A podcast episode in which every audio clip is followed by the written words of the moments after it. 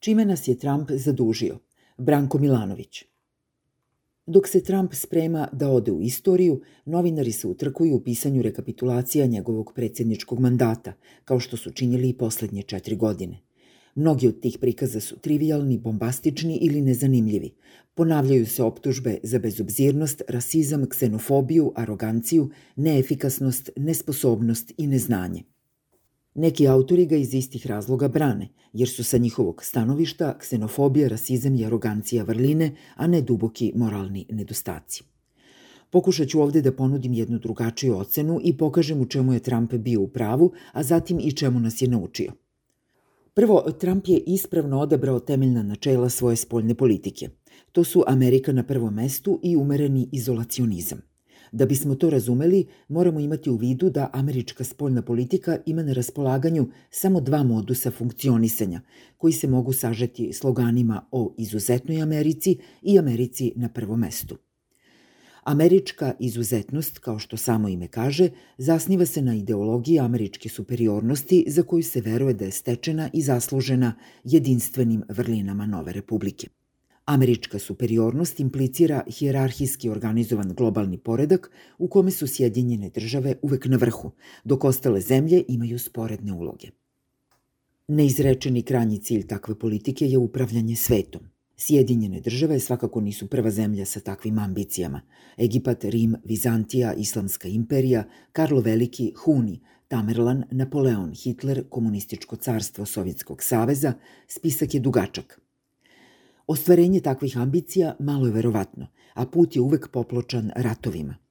Zato prihvatanje ideologije superiorne nacije gotovo po definiciji podrazumeva vođenje večnih ratova u ime večnog mira, kao što je jednom rekao Gore Vidal.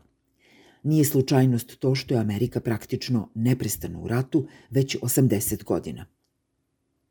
S druge strane, Amerika na prvom mestu, bar formalno, sve zemlje postavlja u istu ravan – To je ideologija koja Americi daje puno pravo da štiti svoje interese, ali to pravo ne uskraćuje ni drugima.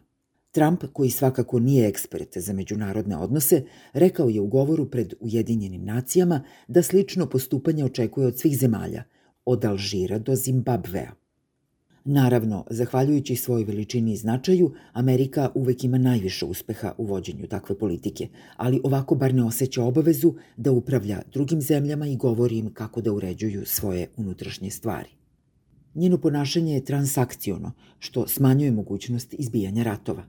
U sukobima interese možemo pregovarati i doći do nagodbe, dok sa ideološkim sukobima to nije slučaj.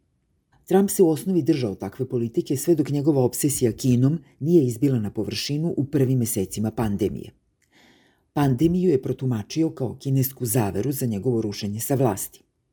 Ipak, činjenica je da nije započinjao nove ratove i da je povremeno ulagao čak i značajne napore da okonča ratove započete pre 20 godina, koje u Vašingtonu niko više i ne pokušava da opravda. U pitanju su klasični imperialistički ratovi kao u Bucatijevom romanu Tatarska pustinja, gde u središtu imperije niko ni ne zna gde sve njihovi vojnici ratuju, a još manje zašto. Trump je zaslužan i za dva važna doprinosa našim znanjima o neksusu politike i biznisa. U politiku je uneo veštine koje je sticao tokom gotovo pola veka preduzetničke karijere i tako, kao što sam već pisao na drugom mestu, osigurao konačan triumf neoliberalizma – Sunarodnike je tretirao kao zaposlene u kompaniji koje po volji može kažnjavati i otpuštati. Predsjednički mandat je video onako kako Bezos vidi svoju poziciju u Amazonu. Dozvoljeno mu je da radi sve što poželi, bez ikakvih zakonskih i regulatornih ograničenja.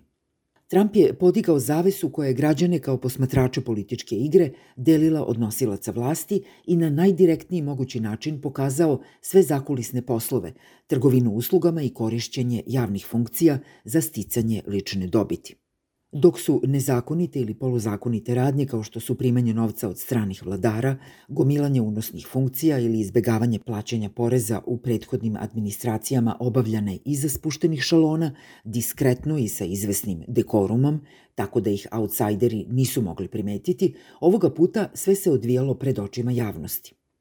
Zahvaljujući Trumpu, stekli smo uvid u duboku korumpiranost u samoj srži političkog procesa. I to nije sve – Iskvarene manire koje dono u Belu kuću Trump je usavršavao za 50 godina poslovne karijere u kojoj je takođe bilo mnogo nezakonitih i poluzakonitih poslova, ali takvi maniri mu nisu bili smetnja u preduzetničkoj karijeri. Šta više, oni su mu pomogli da uspe u poslovnom svetu Njujorka, doneli su mu bogatstvo i status važnog gosta na mnogim skupovima.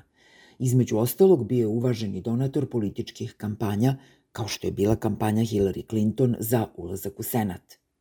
Činjenica da se način na koji je uspeo u poslovnom svetu ne doživljava kao odstupanje ili kao nešto neprihvatljivo, potvrđuje da su i ljudi oko njega koristili slična sredstva da bi stigli na vrh. Što više saznajemo o Trumpu, to više otkrivamo i o metodama koje donose uspeh u bogatom poslovnom miljeu Njujorka, pa i sveta, jer su Trump i njegovi saradnici sklapali poslove u Škotskoj, Rusiji, na Bliskom istoku i u Kini. Najbliži saradnici i članovi porodice koji su ga izdali i preoteli mu milionske ugovore demonstrirali su upravo onu vrstu ponašanja koja je tipična za Trumpa. On bi sam isto učinio. I jasno pokazali kakvi etički standardi vladaju u ovom okruženju. Trump nam je tako dao još jednu važnu lekciju. Pokazao nam je trulež, korumpiranost i neodgovornost moćnih poslovnih imperija. Otkrio nam je razmere korupcije u središtu politike i u središtu velikog biznisa. To su neoprostivi gresi. Gresi koji se uživaju u tajnosti mogu biti prihvatljivi ili ostati neprimećeni, ali to ne važi za grehe kojima se razmećemo pred javnošću. Oni koji će ga zameniti na vlasti preduzeće sve što je potrebno, ne da promene takvo stanje jer to je važan element samog sistema, već da ga što bolje prikriju ali kada jednom vidite istinu, ne možete se više pretvarati da se ništa nije dogodilo.